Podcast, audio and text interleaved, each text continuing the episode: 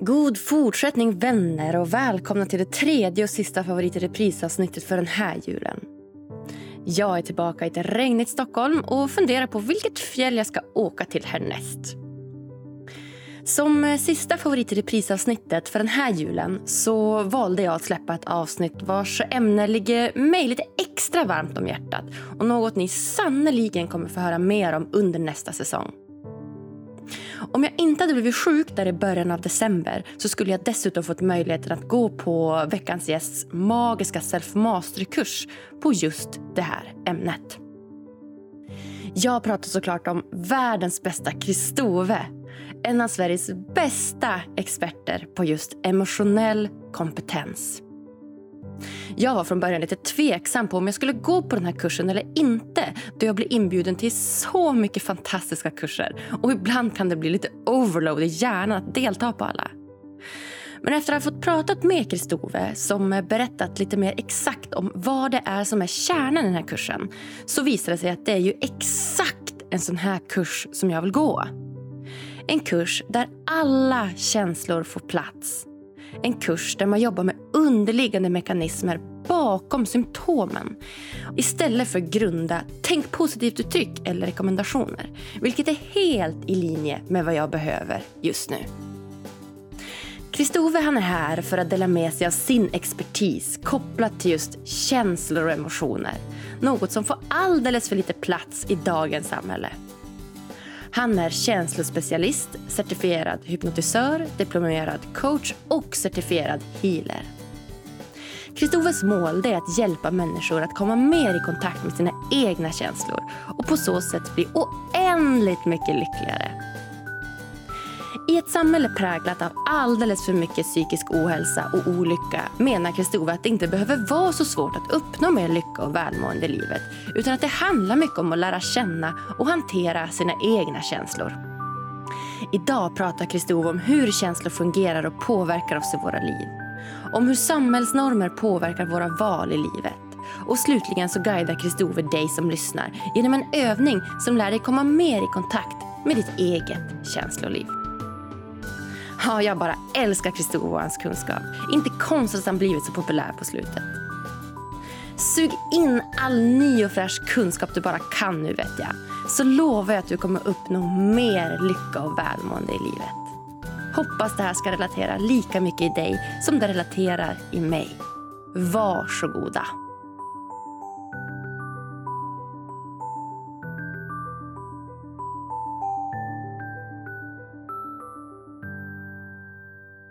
All right, då är det min tur att säga hej och varmt välkommen till Lyckopodden, Kristove! Hej Agnes och tack för att jag får vara här. Ja, men hej Kristove och tusen tack för att du vill komma hit. Jättekul att få den här inbjudan och jag gillar ju verkligen det här namnet Lyckopodden. Även om vi inte behöver sträva efter lycka hela tiden utan kan låta allt vara som det är. Men det är ju inte alltid så lätt, men jag gillar verkligen namnet. Så jättetack! Ja, vad kul Kristove. Ja, jag gillar ju också namnet Lyckopodden. Det, man, man blir lite lycklig av att bara säga det och höra det. Ja, men eller hur? För att det är ju just det här med att det, det är ju så mycket associerat ord med känslor faktiskt. Ja, exakt. Så vi ska komma in lite mer på idag, känslor.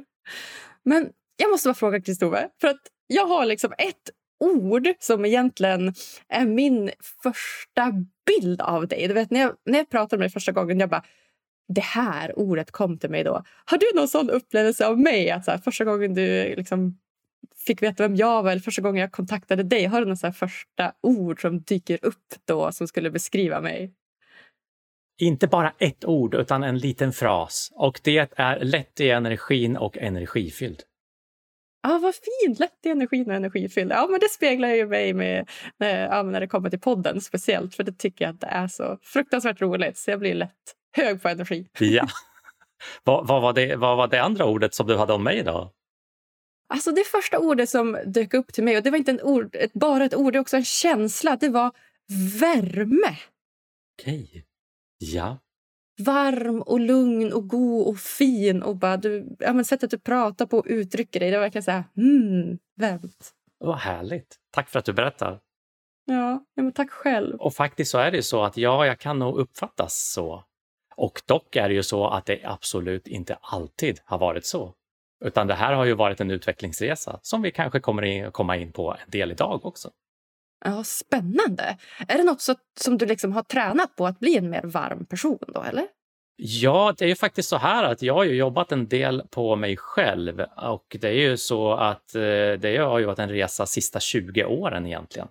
Och det är ju så att innan jag eh, jobbade på mig själv så var jag väldigt vanlig. Alltså jag var väldigt mycket, om jag säger så här, villa, vove, Volvo, om jag använder det uttrycket. Ja. Förstår du lite vad jag menar då? Ja, Man ska absolut. ha ett 7-4 jobb eller 8-17 jobb och sen så ska man jobba en hel del. Man ska jobba lite extra för att spara ihop lite till någon semester och det är på semestern som man mår, ännu bättre och eh, man däremellan så är det lite mera transportsträcka och det är mycket krav som ska uppfyllas på grund av vad samhället och normer säger och inne i stress och prestation och humörsvängningar och allt möjligt. Och vilket ju då resulterade i en utbrändhet.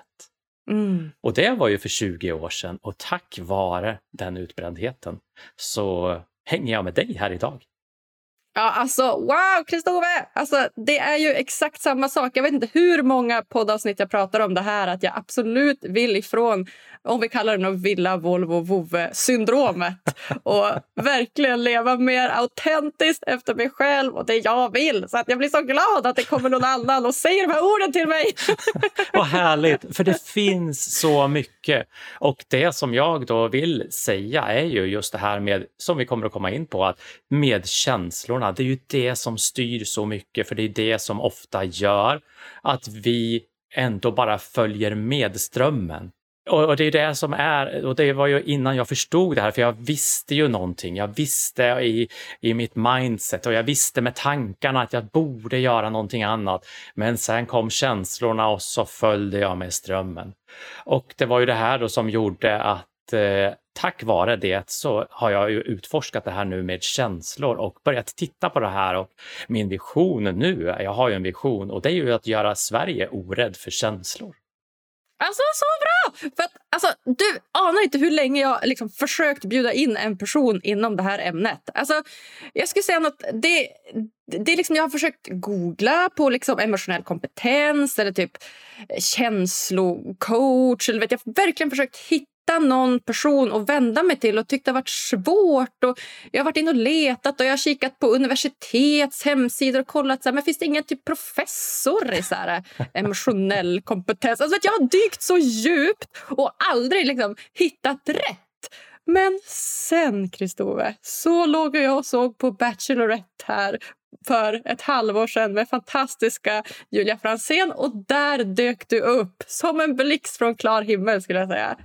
Så jag är så peppad på det här och det känns som att det är ett ämne som vi aldrig får lära oss någonting om. Emotionell kompetens. Vi har aldrig liksom gått skola. Vi har aldrig hört någon som har pratat om det. Och Det är ett ämne som jag tror orsakar onödigt mycket psykisk ohälsa i Sverige. Och det, jag skulle säga att gemene svenskens... Liksom, vi, vi saknar emotionell kompetens. Ja, men hundra procent. Eller hur? Ja, det håller jag med om. Och det är det, det här som jag tycker är så kul. För att när människor, innan de träffar mig, så tycker de väldigt mycket att det här som jag håller på med är ju bara en massa flum. Ja, hokus pokus! Hur kan folk tycka att det är hokus pokus? Alltså... Och det är det här som är så fantastiskt, att det här som vi går runt med hela dagarna, våra tankar, våra känslor, våra beteenden. Och jag tycker det är fascinerande att människor kan gå 30, 40 50 år av sitt liv, 60 år, utan att ens lära sig hur jag själv fungerar. Och det är det här som är att det behöver inte vara så komplicerat, så komplext. Men det är ju ofta så skamfyllt att prata om känslor och när det då är så att vi inte vet hur det fungerar, då är det ju jättelätt att sätta en flumstämpel på det det här subtila här inne som är någonting. Och jag tycker det är så fascinerande att vi lägger ner så mycket tid på att titta på nyheter. Jag säger inte att det är fel att titta på nyheter och veta om världsläget, men vi, alltså detaljerna i nyheterna. Vi lägger ner så mycket tid på att titta på Netflix. Vi lägger ner så mycket tid på eh, sociala medier. Alltså om vi skulle ta en tiondel av den tiden och bekanta oss med oss själva. Vad skulle kunna hända då? Oh, Ja, men verkligen! Och Vi får lära oss du vet, att intellektet är så viktigt. Och Vi ska läsa och skriva och vi ska kunna räkna ut ett plus ett. Och Vi ska lära oss om religion och historia. Du vet. Vi lär oss så mycket liksom, intellektuella saker liksom hela skolgången. Men vi får aldrig lära oss om oss själva, om känslor som är Alltså, vi är ju så styrda av våra känslor. Vi så, liksom, ja, men, har ju alla känslor. Så att, varför får vi inte lära oss mer? Alltså, det är så konstigt. Ja, och det är ju det här som många som jag träffar då, som träffar mig som säger det här att Kristove, du gör det så enkelt. Kan det vara så här enkelt? Och då brukar jag säga att ja, men prova och lev efter det här ett tag så får vi se vad, vad du själv tycker. För att vi vill ju göra det så komplext och komplicerat för att varför skulle vi annars ha gått runt i det här i 20, 30, 40 år om det inte vore komplext? Men det behöver inte vara jättekomplext faktiskt. Nej, och det är det som är så, så roligt också. För Jag har gått lite så här småkurser och pratat med lite coacher som har pratat mycket om att upplev dina känslor. Så jag bara, upplev mina känslor. Och vet, jag tyckte att det var så här, men vadå? Det var verkligen liksom i ett tidigt stadie av min personliga utveckling. Så kan du inte berätta lite grann? Vad, vad är liksom emotionell kompetens för dig? Då känner ju jag så här att när vi mera då kan veta vad det är som händer, för faktiskt så är det så här, vi behöver inte veta allting med våra, våra tankar och så vidare. Men om vi har då en synergi mellan våra tankar och våra känslor så kan det vara lättare att förstå sig på sig själv. Och det är ju där som jag då går in i mina kurser och helt börjar från början med just det här med, ja, vad är känslor för någonting till att börja med? Ja, vad är det liksom? Ja, bra fråga. Och då kan man ju säga att, att jag, jag gillar att förenkla. Sen kan man ju fördjupa sig så extremt mycket på det här, men jag gillar att förenkla. Och då är det ju så att ofta är det ju så att vi har någon form av yttre påverkan, om vi tar det så. Vi har en yttre påverkan, en kollega, en eh, klasskamrat eller någonting sånt som beter sig på ett sätt som vi reagerar på. Och då är det ju faktiskt så att det är ju inte alla personer som reagerar på den här personen, utan det är ju högst individuellt. Och då är det ju så att den här personen är ju då så att den, den som den agerar filtreras ju genom våra erfarenheter för att vi ska veta hur vi ska reagera. Reaktionen är ju då en känsloreaktion och känslor, det är ju en kemikalieprocess som sker i kroppen. Och det är ju det här då som är att känslor är ju en kemikalieprocess som sker i kroppen. Vilken, vilka den är, om det är rädsla, om det är ilska, om det är mera åt kärlekshållet, tacksamhet och så vidare. Allt är ju kemikalier. Och då är det ju det här som är att, vet du hur lång en känsla egentligen är? Har du snubblat över det? Nej, hur lång en känsla är? Nej, jag vet inte. Ingen aning. Och det är det här som jag tycker är så fantastiskt, att det här som vi går runt med hela dagarna, och styrs av stor del eller hela, hela dagarna. Jag sticker ut hakan och säger att vi, det är ju det som styr oss. Ska jag, ska jag ta det här på fiket? Ska jag ta den här och äta idag? Ska jag göra det här? Det är våra känslor som det är våran liksom styrapparat. Och då är det ju så här att vi vet inte ens hur lång en känsla är. Nej. En, en känsla är upp till 90 sekunder. 90 sekunder, okej. Okay. Och hur hänger det här ihop då? För det kanske har du som jag suttit fast i känslor längre än 90 sekunder någon gång någonsin. Har du gjort ja, det? Ja, det känns ju som det. Eller, Eller hur? Har jag det? Ja. Och det är ju det här faktiskt, vad är det då som gör att känslor hänger i längre? För jag har ju suttit fast i känslor i, i timmar, dagar, veckor, alltså under min utbrändhet. Jag snurrade ju bara runt i den här ångesten, i de här rädslorna. Och det var ju liksom det jag somnade med på kvällen, vaknade med under natten, vaknade med på morgonen och så fortsatte det bara. Så hur kommer det sig att vi, vi fastnar i det? Jo, det är ju faktiskt så här att för varje gång som vi, när vi känner en känsla, då är det ju så att ofta så är det ju så att vad händer då? Jo, det kommer en tanke på oj, hur kommer det sig att jag känner den här ångesten idag igen? Och så kommer vi på att just det, när jag kände ångest senast, det höll ju i sig i flera timmar. Vad gör det då? Är det, blir det helt lugnt eller kan det vara så att det skapar en ny känsla? Trycket ökar i bröstet. Vad gör vi då? Åh nej, nu ökar trycket i bröstet. För varje tanke som vi får så skapar det en ny känsla. Och det här blir ju då som en loop hela tiden. Att vi fortsätter att loopa, loopa, loopa. Och hur mycket har vi inte försökt att faktiskt lösa våra känslor med våra tankar? Det är ju så vi har blivit upplärda. Varför är du ledsen? Hur kommer det sig? Låt det bara vara och så vidare är ju sådana. Och ja, men hur lätt är det när vi har då fokuserat så mycket på att lösa saker med våra tankar? För vad är det som händer om vi istället, hur kommer det sig att det är 90 sekunder? Jo, som jag sa, så är det ju när vi får till exempel den här kollegan eller, eller skolkamraten som jag pratade om, som triggar oss, så blir det en kemikalieprocess. Om det är så att vi låter den här kemikalieproduktionen, processen vara, så lakas den ur i vårt system på 90 sekunder. Och efter de 90 sekunderna så går kroppen in i lugn igen och du känner inte känslan. Och det är ju det här då som gör det så utmanande för oss eftersom vi är så mycket tänkande varelser med känslor. Och jag brukar ju istället, det här, vi är ju känslovarelser med tankar. Och om vi då vänder på det och just det här med, ja, hur ska vi göra då? För det är det så många frågar. Hur ska jag göra då? Ja, du ska göra tvärtom emot vad du har kanske fått lära dig och vad du har med dig. Du ska göra det här som du inte vill göra. Du ska alltså egentligen, under då i början vill jag säga, kontrollerade former, inte börja på de största känslorna, utan börja på mindre känslor, för jag brukar säga det här handlar om att träna. Och skulle det vara så att vi skulle träna enhjuling så skulle inte jag vilja åka till en downhillbacke och börja träna enhjuling, utan jag skulle vilja göra det i en vadderad gymnastiksal. Och där, därför börjar vi inte med den värsta ångesten att göra det här, vill jag skicka med, utan vi börjar med lättare motståndskänslor och liknande. Så vad är det vi ska göra egentligen då? Istället för att lösa det med tankarna, hur ska vi göra? Ja, vad händer om vi gör det där som vi inte vill göra? Vi går in och känner motståndet i kroppen. Vi känner trycket i bröstet, vi känner oron i magen. Och vad händer när vi känner?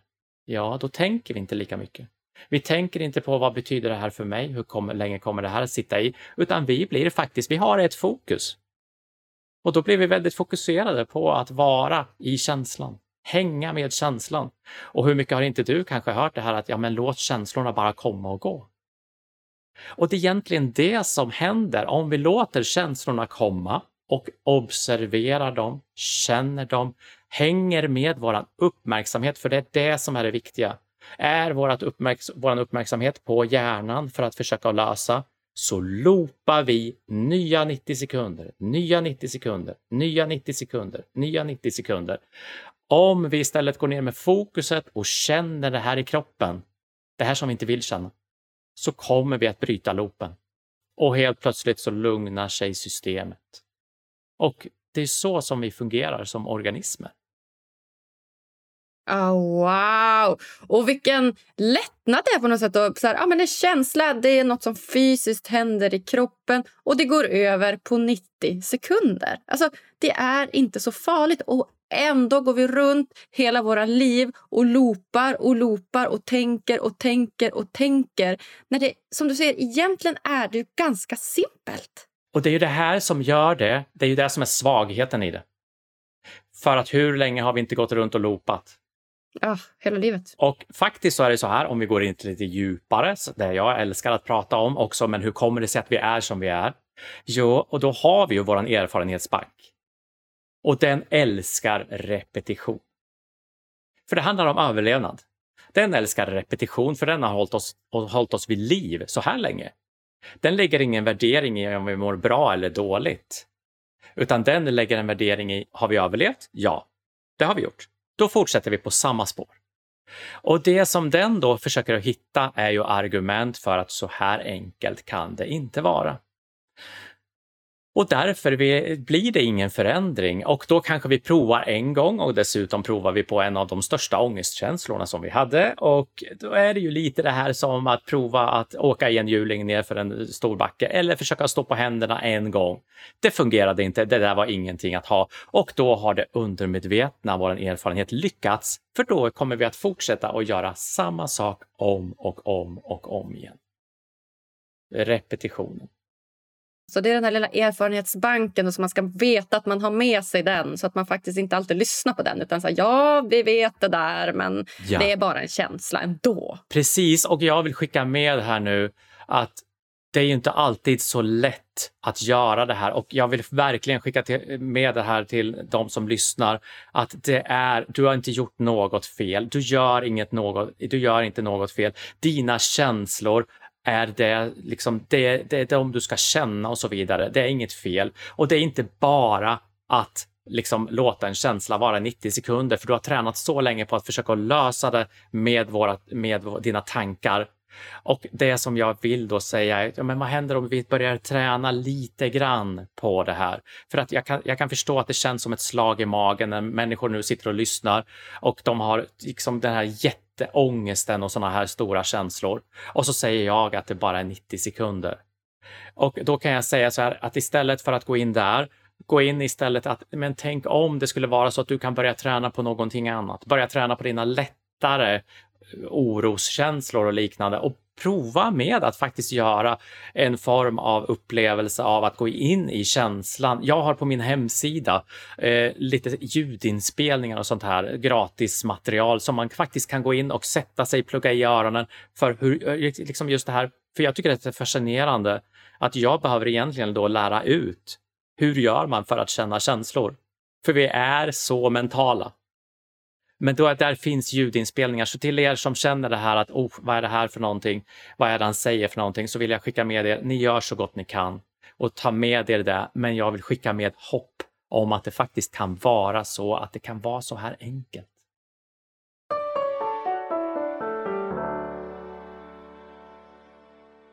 Veckans avsnitt är sponsrat av Paradiset, upplevelsebad, spa och träning i Örnsköldsvik. Örnsköldsvik, eller Övik som det kallas till vardags, är en mysig liten bergsbenägen stad som ligger bara en timmes tågresa från Umeå och med bara en timmes flyg från Stockholm om du bor där. En av de coolaste upplevelserna som vi hade på Paradiset det var utan tvekan deras kryoterapibehandling. Har ni någonsin hört talas om kryoterapi tidigare? Ja, det hade inte jag. Men eh, man kan likna det med en kallbastu Tillsammans med utbildad personal kliver du in i en två meter hög cylinder där bara ditt huvud sticker upp och där luften i cylindern kyls ned med flytande kväve. Temperaturen i cylindern den sjunker till 150 minusgrader och har liknande hälsoeffekter som ett kallbad. Ja, I hela tre minuter ska du helst stå i cylindern. Och Det är ganska lång tid om du frågar mig. Men du får faktiskt ett par tjocksockar på fötterna så att de inte ska bli för kalla. Alltså, det kändes så konstigt att stå i bikini och tjocksockar i den här cylindern. Minst sagt en ny svincool upplevelse. Och hälsoeffekterna är många. Du förbättrar kroppens återhämtningsförmåga efter träning. Du ökar fettförbränningen, frigör endorfiner som är ett av våra lyckohormon och stärker immunförsvaret. Dessutom så ökar produktionen av kollagen i kroppen vilket är bra för hudens föryngring och dessutom verkar den kalla luften som smärtstillande. Ja, jag måste nog säga att det här var den coolaste spa-upplevelsen som jag har haft hittills. Kom till Övik och testa vet jag. Jag vet inget spa som har något liknande. Titeln Sveriges ledande spa inom biohacking, ja, den är inte långt borta nu tror jag. Tack bästa paradiset för att ni introducerat mig till ännu en ny lyckoupplevelse.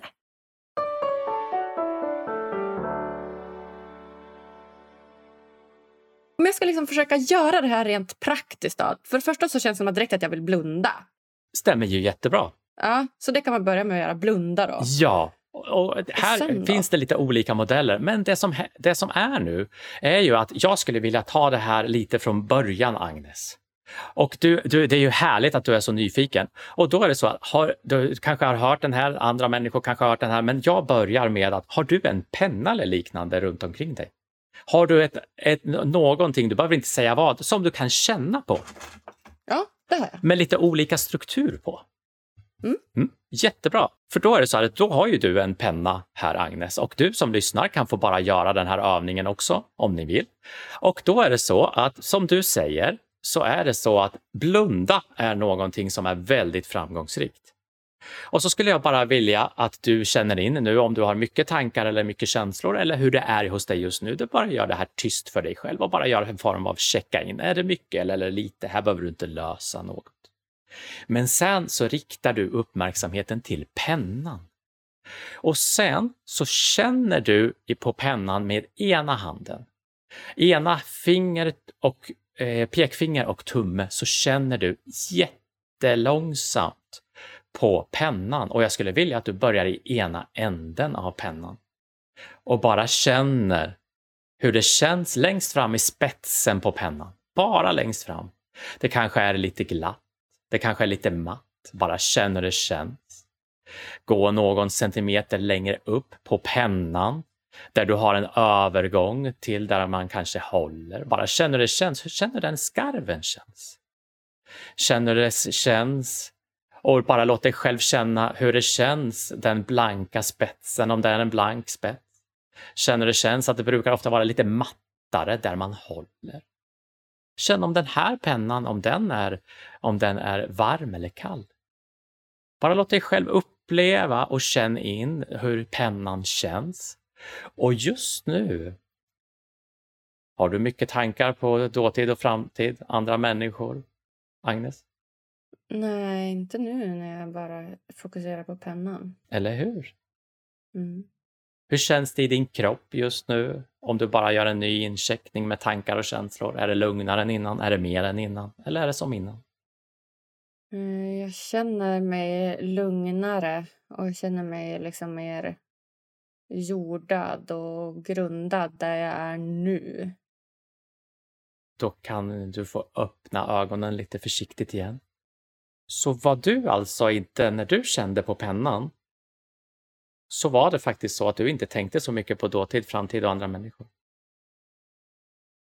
Jag, jag, jag ser ju dig här, jag vet inte om lyssnarna vet det, men jag ser ju en betydligt, du var lugn innan, men du, det ser ut som du har landat väldigt mycket i dig själv just nu.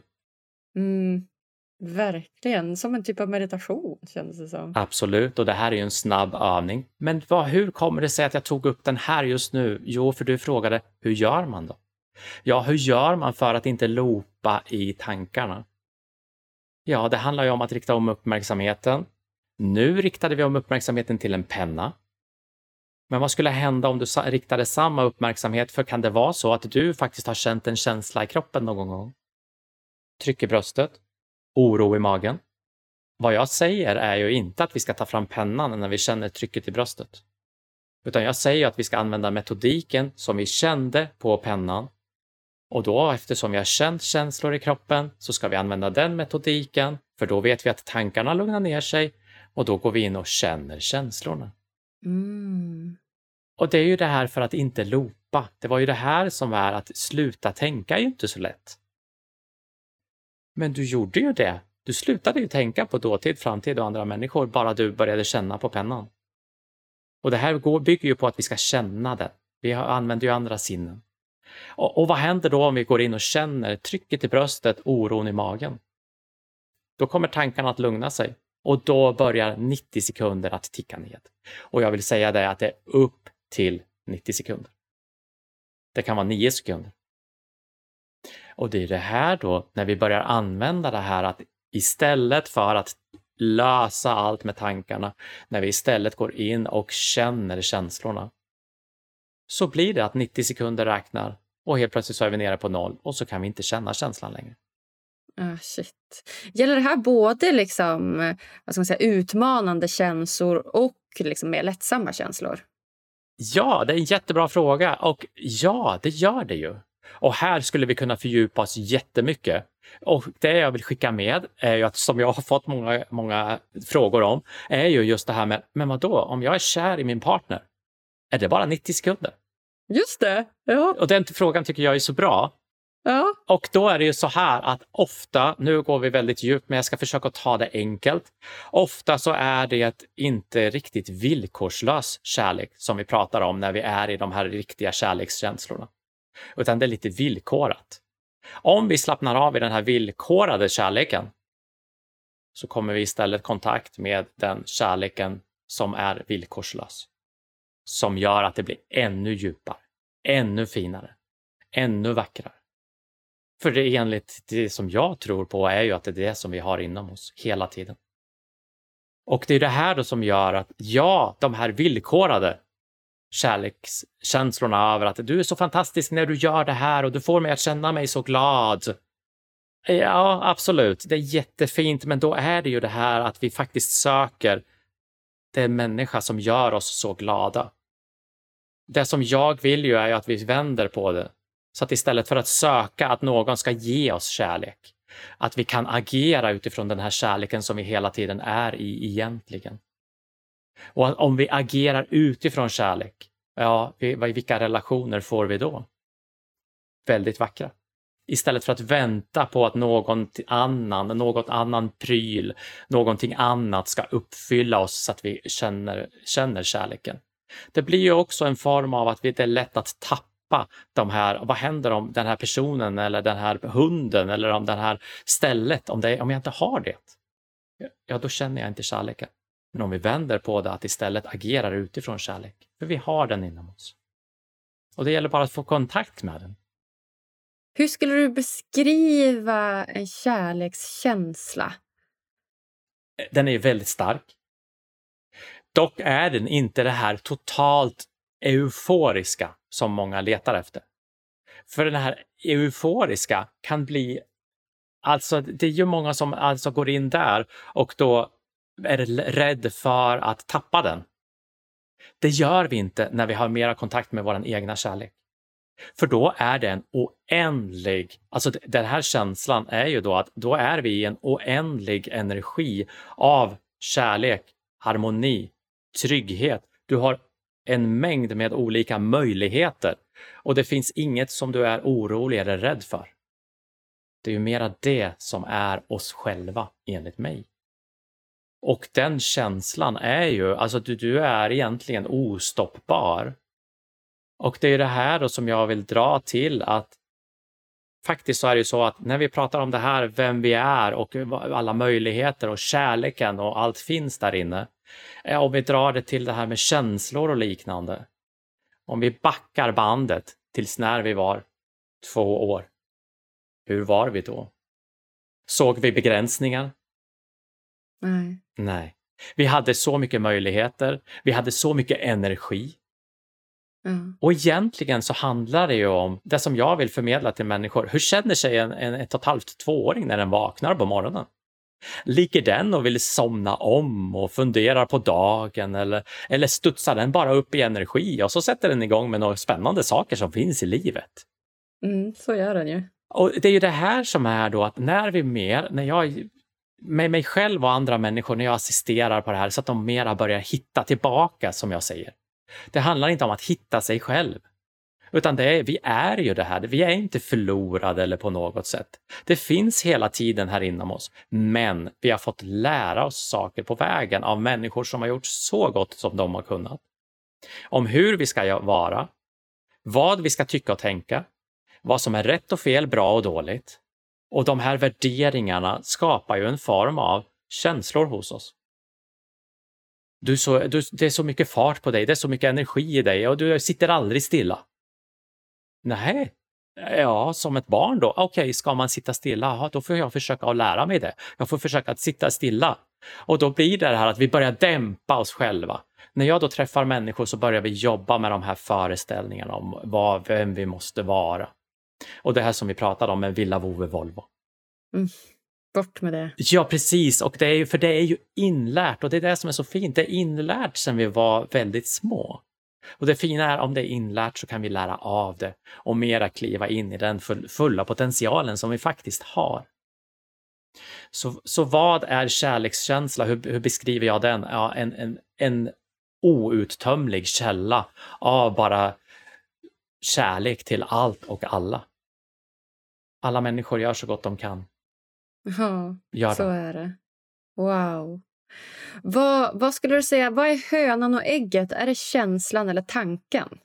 Och den är jätteintressant och jag säger så här, att behöver vi fastna i det? Nej, kanske inte. Jag tycker att det är jättespännande, för jag tycker att det läggs så mycket fokus på det här. Och för jag gillar att göra det enkelt. Och behöver vi då fastna i det? För mig, nej. Men andra kanske vill eh, grotta sig ner i det här, absolut. Men det som är här är ju att jag ser det mera som att har du någonsin tänkt en tanke som har skapat en känsla? Mm. Mm.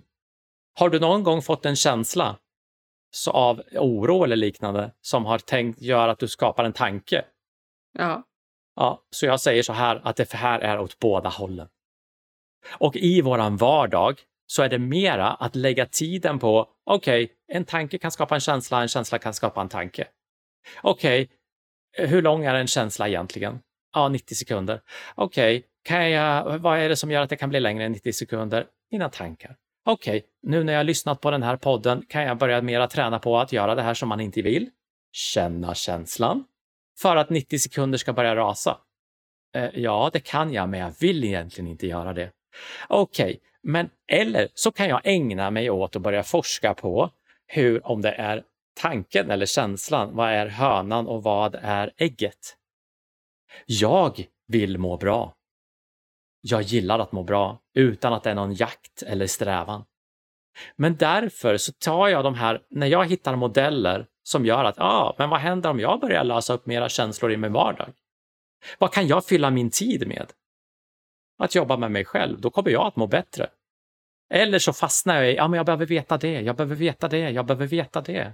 Tänk om det är så enkelt att det enda vi behöver göra för att egentligen må bra, jag brukar säga det här, liksom en snabb version av mina utbildningar och liknande. Det enda vi behöver göra för att må bra är att låta allting vara precis som det är. Utan att värdera vad som är rätt, fel, bra eller dåligt. Till att börja med låta det vara så. Låta känslorna komma precis som de är utan att värdera dem. För då kommer de snart att försvinna. Låta tankarna finnas. Låta dem gå. Låta fysiska smärtor och liknande komma och låta dem gå. För det är våra värderingar som skapar faktiskt mycket lidande. Är du med lite på här hur jag menar? Vad, vad skulle hända om du resten av dagen gick runt och började träna på att inte värdera utan mera, vad skulle hända då? Skulle det bli mer att du kanske observerade? Mm, verkligen. Det regnar. Ja. För det är, hur många lägger inte en värdering i att det är fel? Dåligt väder. Vad skapar det hos oss? Jo, en känsla. Är det en lätt känsla eller en låg känsla? Eller en lägre känsla? Hur var vi när vi var ett och ett halvt år och vi sa att det var vatt en vattenpöl? Jag hoppar rätt igen. Eller hur? Så att var kommer det här ifrån? Ja, det är inlärt. Och det är det här att vi mera kan förstå vilka fantastiska varelser vi faktiskt är och att vi har det här inom oss. Ja, vi kan behöva göra lite tvärtom för att vi mera ska kunna uppleva att vi mår bara bättre och bättre. Ja, verkligen. För att det, och där, ja, men hönan och ägget-frågan, det var väl mer... Jag känner det nu att jag hade så här velat ha ett visst svar på den frågan tror jag mer än vad jag sa. Det kanske finns ett svar. För Jag upplever oftast att det jag har haft svårighet med själv och det är just att känna mina känslor och oftast fått höra att så här, ja, men du känner en känsla, men tänk så här. Eller så här, ja, men du känner dig ledsen, ja men gör det där. Eller du vet, tänk att man ska liksom eh, hamna i tanke och liksom agerande. Så att jag har nog själv liksom sagt till mig själv att så här, ja, men jag får känna det jag känner, lyssna på det och du vet bara, bara vara med den känslan. Och jag får liksom besluta saker utifrån min känsla. Om jag känner att så här, jag är sugen på soppa ja, men då får jag köpa soppa. vet, så jag har nog själv så här, intalat mig så här, känslan går först, känslan går först, känslan går först. Och liksom därifrån frågan kommer, tror jag. Ja. Och det som jag skulle vilja tipsa dig, du gör det jättefint genom att låta dig själv vara i det som är. Mm. Men gör ett litet experiment med dig någon gång ibland. Om du nu mm. blir nyfiken på det här med 90 sekunder. Att där, där du, ja men jag känner för att köpa den här soppan.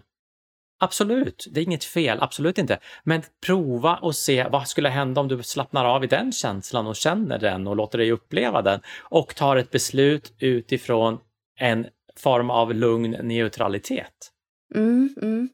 Förstår du lite vad jag menar? Att jag säger Ja. inte att det som du gör är fel och jag säger inte att det andra är rätt, utan jag säger bara det här att det kan vara spännande, återigen, att istället för att scrolla på Instagram, Facebook, kolla Netflix, sport och lite sådana här saker, utforska sig själv. Mm. Att lära sig om sig själv. Och när vi kan lära oss om oss själva så börjar vi se mycket mönster som vi faktiskt har lärt oss här i livet, som vi faktiskt kan lära av. Ja, men alltså, det är så sant. Det- alltså, det är så himla himla sant det du säger. Och En annan bit som vi var inne på lite från början det är just det här att det är som att det ligger ett stort lager eller en stor du vet, blöt trasa av skam du vet, över hela svenska befolkningen av att så här, uppleva utmanande känslor som ilska, eller svartsjuka eller avund. Du vet. Det är som att det är inget man ska prata om. Det, du får aldrig bli svartsjuk. Det är så coolt att du vet vara den som är chill och att aldrig vara avundsjuk på någon utan du ska ha allt själv. Och att du vet att det är som att det, är som att det ligger ja, men någon så här stor skamkänsla över det här. Var, varför tror du att det är så? Ja, alltså här kan vi ju ta det återigen väldigt enkelt. Och då är det ju så här att om vi tittar på återigen att vi när vi är mellan 0 och 7 år så lär vi oss jättemycket. Det här är ju det, det som vi har fått, det är det är så, så vi är som människor. Vi har en annan hjärnfrekvens. Vi har en hjärnfrekvens som heter teta och den är väldigt, där lär vi oss utan att sålla egentligen någonting. Vi lär oss av människor runt omkring oss. Och vi lär oss hur vi ska göra. Och det är för att vi ska sen överleva. För att vi vill ju kopiera de som vet. Alltså våra, oftast våra föräldrar som vi har haft runt omkring oss. Och då är det bara så här att ja, när vi var på affären och vi var två år gamla och så ville vi ha den där leksaken. Och vi fick inte den, för vi hade faktiskt fått x antal leksaker innan varje gång vi hade varit i affären. Men det hade ju vi glömt bort, för vi ville ju ha den där leksaken, den där gosiga björnen eller vad det nu var. Och så började vi gapskrika i affären. Och då var det ju så att mamma och pappa kanske var lite stressade, för visst, de skulle vidare någonstans och de skulle bara in och köpa den där mjölken eller vad det var. Och då är det ju så att vad händer med den här tvååringen när den börjar vilja ha den här nallen? Jo, den blir ju jätteledsen, gapskriker. Vad händer med föräldern som redan är uppe i stressad för att den inte har hunnit med allt som den har gjort på jobbet?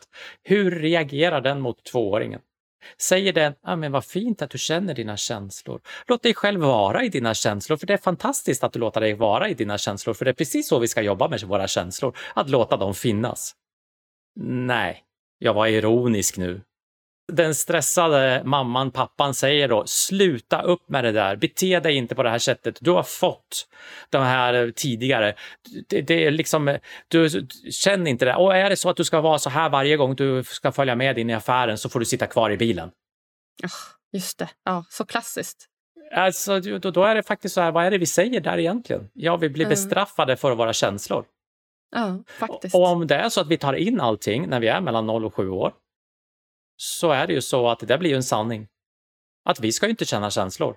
Eh, definitivt inte de felaktiga, för då får vi gå och sätta oss i bilen. Och hur känns det för en tvååring? Den målar ju upp ett scenario. Jag sitter själv i bilen, helt ensam. Det är ju, det är ju ett jättestraff för den. Så därför börjar den där lära sig att trycka ned känslorna.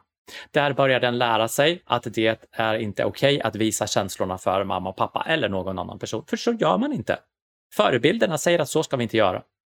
Och det är där som det egentligen, jag vill gå så långt att det är ju egentligen där som det börjar. Och det är därför jag säger det här att det här är ju inte lätt med barnuppfostran och sådana saker. Men att känna känslor, det ska ju ett barn definitivt göra. Men att lära sig att ett agerande, att slå någon när man är arg och liknande, att, att skilja på den känslan inombords, den ska de känna. Om de blir arga så är det ju det de ska känna, det är inte fel.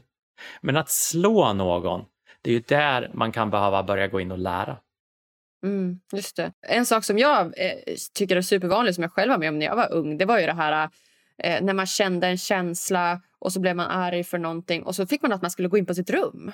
gå in på ditt rum och så ska man få sitta där själv. Men alltså, det är världens största straff. Du blir ensam, du har liksom ingen som kan hjälpa dig hur du ska ta hand om den här känslan. Du har gjort någonting fel, någonting dumt genom att visa de här känslorna. Alltså, är inte det kanske det sämsta sättet att uppfostra ett barn? Jo, men hundra procent. Och det jag vill skicka med alla föräldrar som lyssnar på det här nu, att ni har gjort så gott ni har kunnat utifrån den informationen som ni har haft så här långt. Mm, verkligen. Och faktiskt så är det ju så här att jag tror inte att det är speciellt mycket känslan hos barnet som är det svåra när vi är som föräldrar, utan det är att vi föräldrar inte vet hur vi ska jobba med våra egna känslor. Exakt. För att det blir pinsamt i affären. Mm. Ja, exakt. Och jag som förälder vill inte känna pinsamhet. Och därför börjar jag agera på den känslan. Så att, eh, egentligen så handlar det om mera det här, ni föräldrar som då känner att oh, jag måste börja ändra det här hos mina barn och vad är det han säger för någonting? Ja, då säger jag så här att var förändringen som du själv önskar se. Alltså börja jobba på dig själv först, bekanta dig med alla dina känslor själv först och gör din egna resa så att du själv kan stå i en emotionell balans när det mera händer saker. Så att du mera kan välkomna din egna frustration, rädsla, oro, ångest. Då kan vi börja lära ut det här till andra.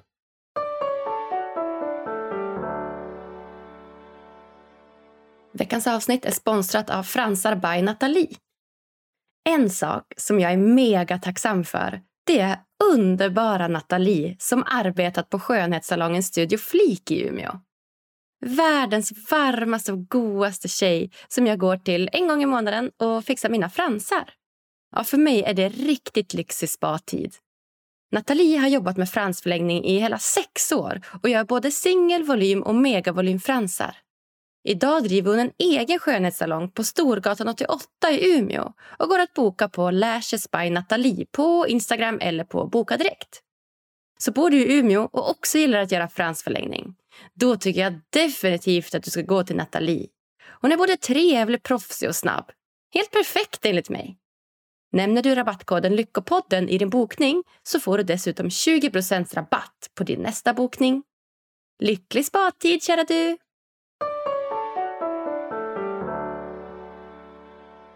Ser du stor skillnad på dina klienter som du har hemma hos dig eller dina besökare? Ser du stor skillnad på dem liksom, första gången du träffar dem och efter ett tag? Liksom?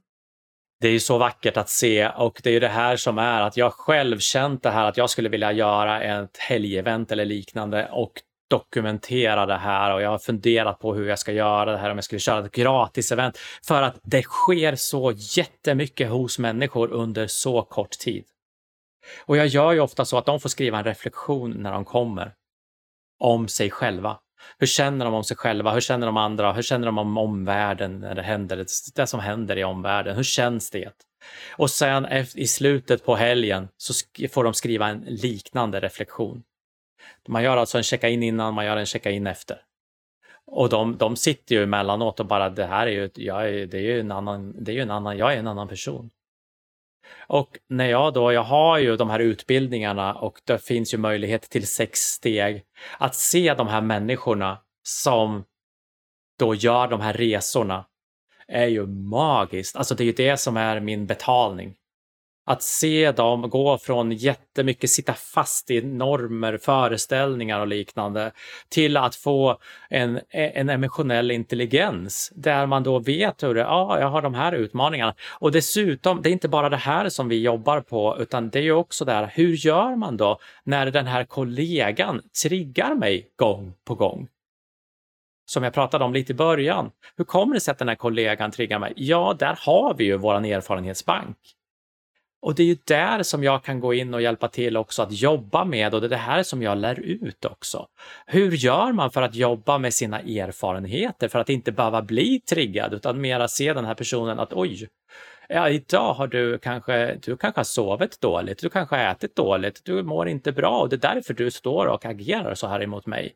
Och vi ser personen bakom re äh, agerandet, reaktionerna.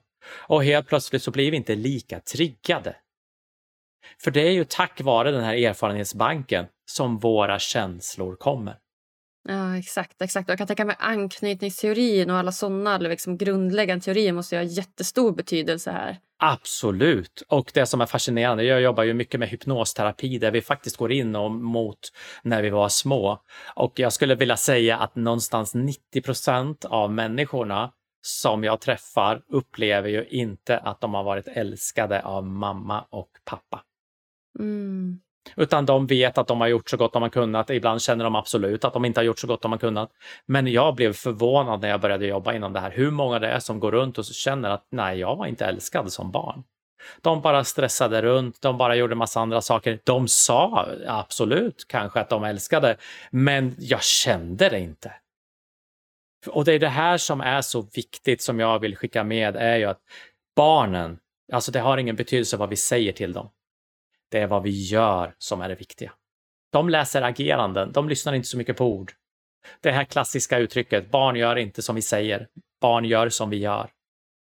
Och säger vi då att ja, du är helt fantastisk och du, är all, du har allt inom dig och, och allt det här och sen själva så känner vi att vi har en så låg självkänsla och vi agerar hela tiden utifrån normer och liknande. De tar efter. Mm, ja, men exakt, och så få höra det här att ja, men jag älskar ju dig villkorslöst, ja, men du är det finaste som finns. Men sen är det att bli bestraffad där i butiken när man vill ha den där leksaken. Och att, eh, så det blir ju egentligen en dubbel eh, moral på något sätt. Där. Precis. Och starka känslor bygger starka minnen och starka programmeringar som jag brukar kalla i vår erfarenhet. Och vilka känslor, eh, alltså de starkaste känslorna är ju de starkaste minnena och vilka känslor om att bli bestraffad, det är ofta de som ger starkast minnen när man blir utsläpad till en bil och får sitta där. Oh, det skapar ju en jättestark känsla och det blir en stark programmering. Och det är ofta det vi bär med oss då. Det fina är att här kan vi ju börja jobba med det här då. Och det är det som jag vill skicka med att det är inte bara att inse att oj vad jag har saker med mig. Ja, fast när vi börjar jobba på de här och gör det i tidig ålder så faller jättemycket av de här beteendena och det är ju från nu och framåt som vi lever. Och som jag sa då, vår erfarenhetsbank vill inte ha till en förändring och därför så säger ju det, vissa människor då att ja, men det är ingen idé att börja jobba på mig själv, jag är ändå så gammal. Så, så att, och jag har så mycket i mitt bagage så det är ingen idé. Och det som jag säger att ja, men det är ju det här att vi behöver inte ta varje sak utan vi tar fröer. Jag går och tittar på fröet till det här beteendet. Ja, skamkänslan av känslor. Ja, det kan vara i en butik där jag inte fick känna. Det kan vara vid en familjemiddag middag, där jag inte ville ha maten och kanske kastade den över bordet och blev jättebestraffad för mamma och pappa blev helt utom sig. Det kan vara det som är fröet till att inte våga känna känslor och bara man löser upp det så släpper allt hela vägen. Och sen kan vi från och med idag och framåt mera bekanta oss med våra känslor. Ja, alltså så himla fantastiskt. Och jag kan inte hjälpa att tänka du vet, hur, hur världen skulle se ut om vi hade liksom lärt oss mer om våra emotioner och våra känslor. För det, det jag ser idag, om man ska se det liksom från ett ganska tufft perspektiv, det är det här att vi har en tydlig norm med 8-17 jobb och som du säger Volvo, villa, vovve. Vi ska ta lån och köpa något dyrt hus och ska vi betala av det hela livet. Vi har studieskulder, ska betala av dem hela livet. Och att vi hela tiden liksom lever efter någon slags norm. Och i det har vi ett samhälle med extremt mycket psykisk ohälsa. Det är ju ensamhet är den största folksjukdomen. Vi har över en miljon som går på antidepressiva. Alltså, någonstans måste det här hänga ihop på något sätt och förstå då om vi hade kunnat lära oss att lyssna på våra känslor tidigt ja. och att kunna utgå mer från det. Undrar hur samhället hade sett ut då? Ja, och det är det som är så vackert. Att det, vi kan ju börja förändra. Vi kan ju börja förändra idag. Och det är det här som jag, jag, jag liksom köper ju det du säger. Hur hade det sett ut då? Ja, och jag är ju mera så här, hur kan vi skapa det? Ja, bra! Från och med nu och framåt. Det är ju, och det är ju faktiskt så att det förflutna, det kan vi inte påverka. Men vi kan ta med oss lärdomarna. Framtiden kan vi till viss del påverka. Men när gör vi det? När påverkar vi den? Nu. Det är nu, det jag gör nu, som påverkar framtiden. Och det är det som är kraften i nuet. Att det är ju det jag gör idag som påverkar imorgon, nästa dag och nästa dag. Det är ju de små valen jag gör här idag som påverkar. Och det är därför som jag fortsätter med det här och det är därför jag blir så glad att bli inbjuden som till dig här, att kunna nå ut till, till människor, att sprida det här med att ja, men vi behöver egentligen inte vara rädda för känslor, för vi var inte det när vi föddes. Vi använder dem som de ska användas för att på något vis berätta om vad är det som händer inom mig. Alltså våga prata också med liksom sådana som man känner sig nära, liksom bekanta, eller inte bekanta utan liksom nära vänner och sånt som man kan anförtro sig till. Och så här, jag känner mig nu ledsen, jag känner mig nu svartsjuk, jag känner mig nu... Och prata om det. Det, det finns en otrolig kraft i det. Ja. Och det som jag också vill skicka med här, du frågade lite de här kunderna som jag kallar dem då, mina kunder. Hur, hur, vad ser jag i dem? Och det är ju faktiskt så här att vi pratar inte så mycket om deras jobb. Vi pratar inte så mycket om hur deras relationer ser ut. Vi pratar inte om någonting. Under mina utbildningar, det är många som säger att jag skulle jättegärna komma på en sån, men jag vill inte sitta och berätta om allting. Och det här är ju att vi är så vana vid att vi ska vända ut och in på oss själva för att förklara, för att vi ska kunna med vårt logiska sinne då hitta lösningar. Här jobbar vi inte på så sätt.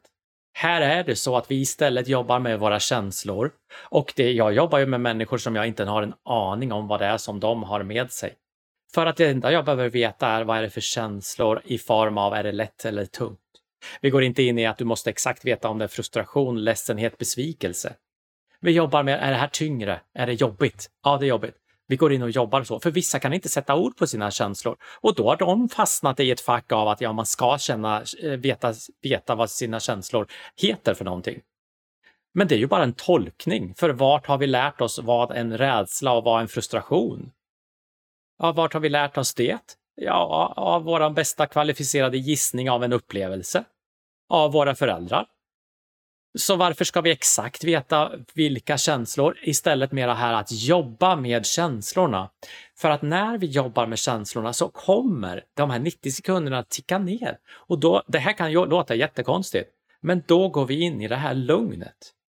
Och det som är, som många säger då på de här utbildningarna, att oj, här är det så att jag vet egentligen inte vad, jag vet nätt och jämnt vad du heter. Ja, du har inte delat någonting. Men jag vet att du har jobbat med känslor och det känns som jag känner dig på ett mycket djupare plan än vad jag känner mina vänner. För vi sitter bara och pratar om andra saker. Mm, exakt. Och det, och det är det här som är då, varför lägger vi så mycket fokus på det utanför oss själva?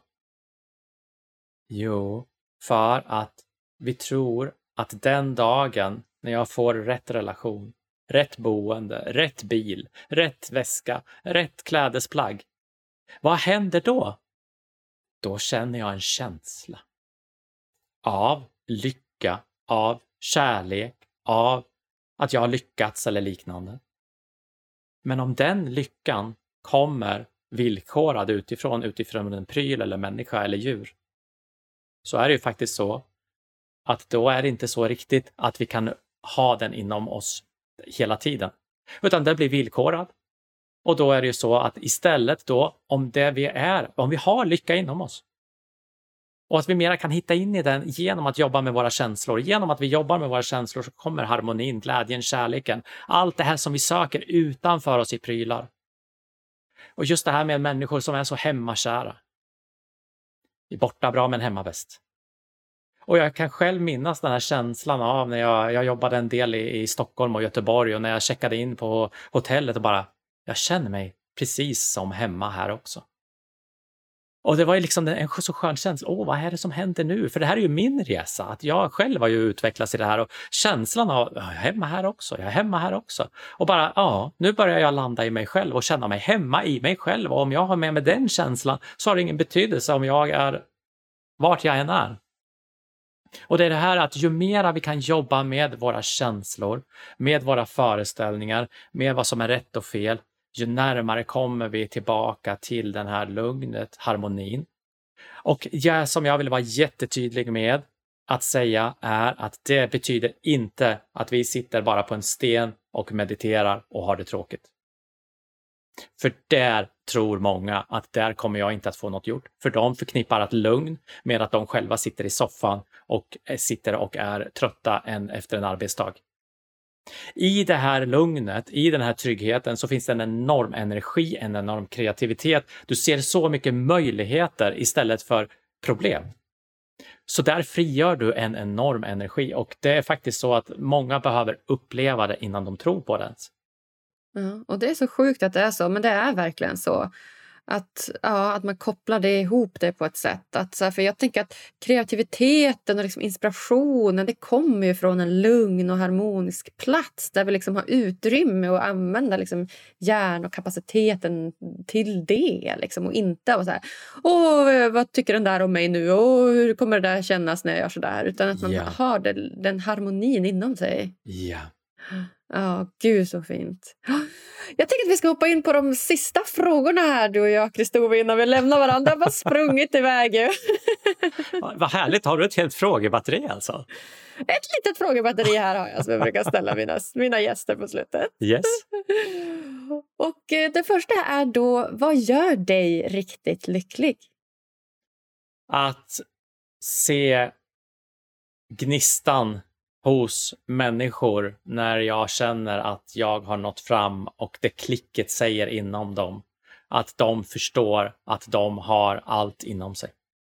När jag ser det i ögonen på människor. Vilka, alltså det har ingen betydelse vilka människor. När jag ser det, det gör mig riktigt lycklig. Det känns så mycket hoppfullt och alltså jag, jag, då blir jag tårögd och så enormt tacksam.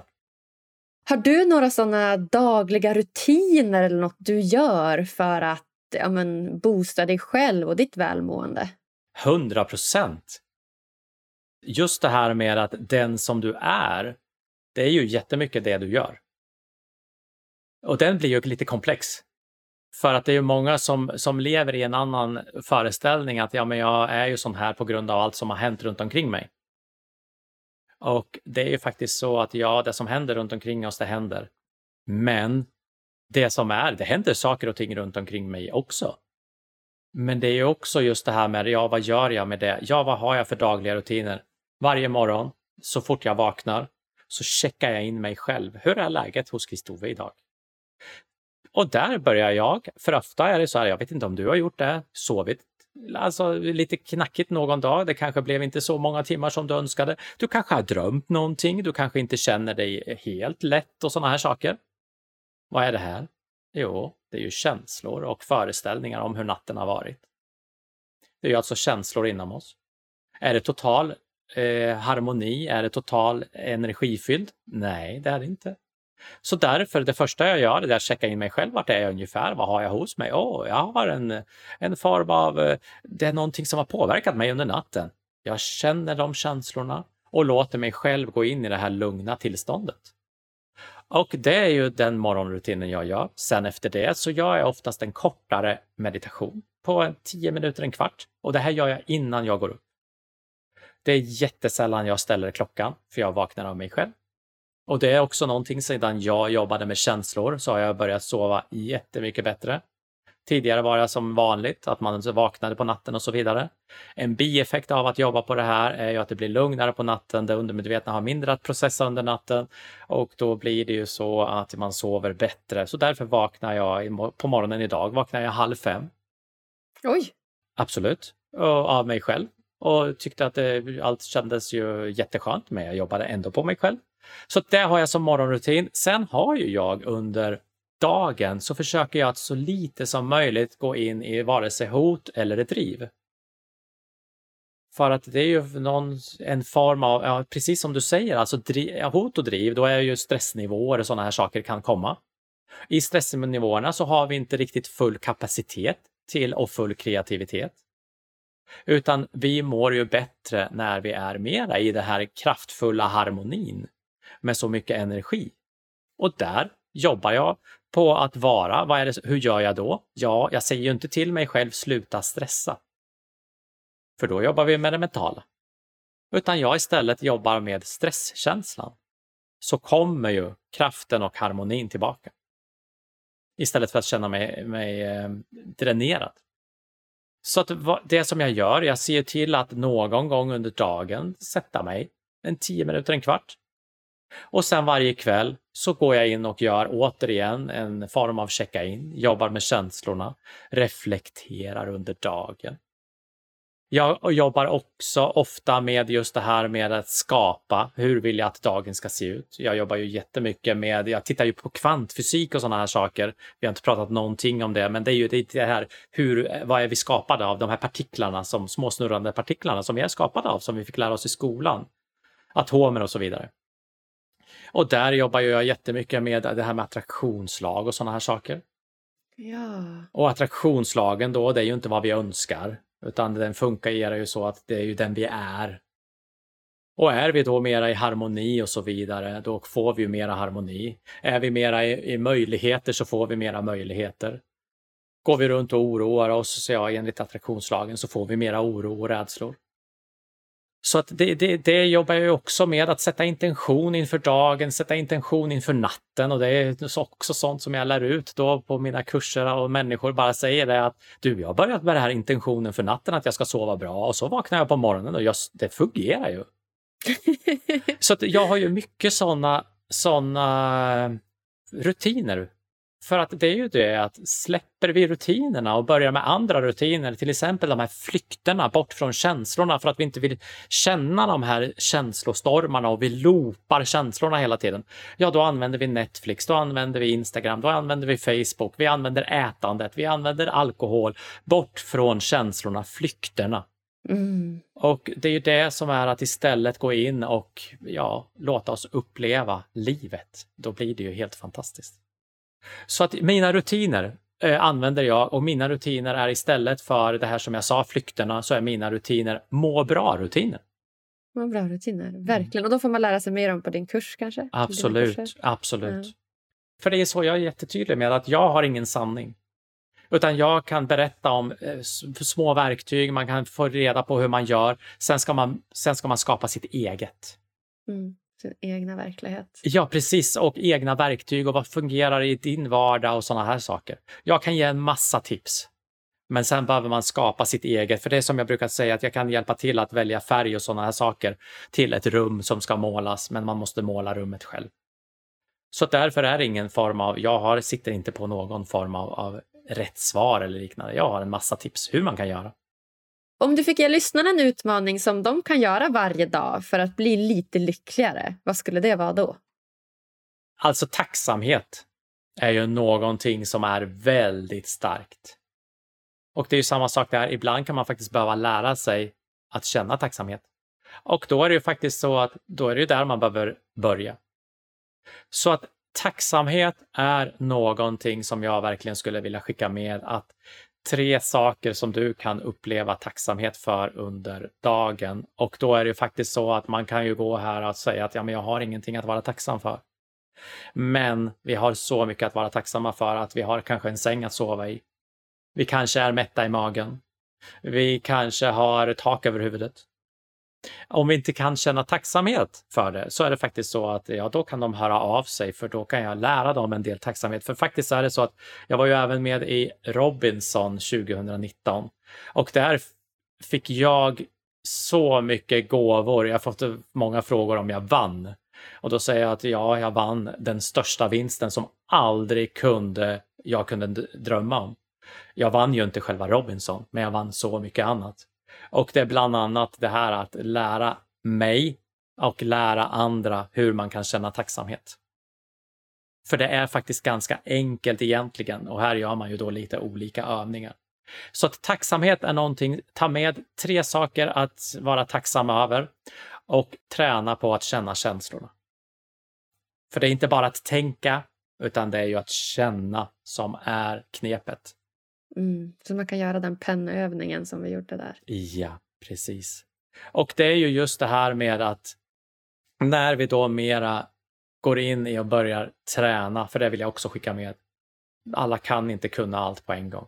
Men det har vi också någon föreställning om att jag provade en gång. Nej, jag kunde inte komma på tre saker att vara tacksam för. Nej, återigen då, jag vill lära mig att stå på händer. Ja, det är samma sak som att gå till gymmet. Jag ska börja med att gymma och så går jag dit tre gånger och så tittar jag mig i spegeln. Nej, jag har varken gått ner i vikt, jag har inte fått bättre hållning eller jag har fått större muskler. Jag, jag, det, här, det här gymmet fungerar inte. Jag, jag provar ett annat gym istället. Det är precis samma sak med det här. Så att tacksamhet vill jag skicka med att träna på, men framför allt att börja träna på att göra någonting annat. Det kommer att kännas ovant, men när du gör någonting annat så kommer du få ett annat resultat. Och titta på vad det är för någonting. Vad är det du gör under dagarna? Hur skapar det ett välmående i framtiden? Eller skapar det någonting annat? För då kan det vara så att vi behöver träna mera på att börja göra saker som vi skapar, ett, eh, som skapar välmående. Det är du som har kraften, du som lyssnar. Du har kraften inom dig, även om det inte känns så, även om det känns svart och jobbigt. Så finns det så mycket hopp, för jag själv har suttit där. Jag själv har suttit där och faktiskt en gång i, livet för 20 år sedan, eller 18 år sedan, så var jag inte säker på om jag ville leva eller inte. Och idag så mår jag så här och det är det här jag vill sprida. Att vi kan göra någonting annat. Och de första stegen är ju det här att vad händer om vi inte blir så rädda för våra känslor? Utan vi istället kan välkomna känslorna. Då blir de 90 sekunder och sen kommer harmonin med så mycket möjligheter. Och det är det jag också vill sprida och det är därför jag är så himla glad för att du har kommit hit, Kristove. Och du gör ju ett jättefint jobb här, Agnes, så jättetack för att du bjöd in mig här idag. Det var jättefint. Och är det så att någon har någon fråga eller något så hör av er, för jag är lite gammal. Jag har börjat gå bort från meddelanden, mejl och sådana här saker, för jag får så sjukt mycket sånt. Och jag kan vara helt uppe i en utbildning under tre dagar och det göms så mycket. Så jag säger så här, att ring till mig. Och alla kontaktuppgifter och liknande finns på min hemsida. Jag heter Kristove och det är bara att söka på mig. Så får man upp hemsida och liknande. Ring till mig om det är något man funderar på. Så generöst. Det är inte många gäster som säger det. Att du får ta mitt nummer och ringa. Men det är ju fantastiskt. Det... Och jag har ju också haft kontakt med dig på telefonen så att jag skulle absolut också råda dem att ring. Ja. Precis. För det är ju så att då kan det vara så att ja, jag har jättemycket att göra, men de här utbildningarna som jag har, där är det ju så att där kan man ju gå in och där får man ju lära sig att bli sin egna terapeut. Jag har en annan vision och då är jag mig själv arbetslös. Jag vill lära ut allt det här som jag kan, som, jag, som har själv hjälpt mig för att komma ur träsket om jag då kallar det. Det är inget fel att vara där, för det är precis där man ska vara. Men när, att, hur tar man sig ur det? Det är det här som jag vill lära ut. Jag vill lära ut alla de här knepen. Jag vill inte hålla saker och ting för mig själv. Jag vill bli arbetslös så att alla sitter och är sina egna terapeuter. Det är också en vision som jag har. Vad fantastiskt du vill bli arbetslös. Jag får avsluta de här orden, Kristova. Jag säger bara tack, tack, tack snälla att du kommer gästa mig här på Lyckopodden. Tack snälla Agnes. Allt gott. Alltså, jag bara älskar Kristove.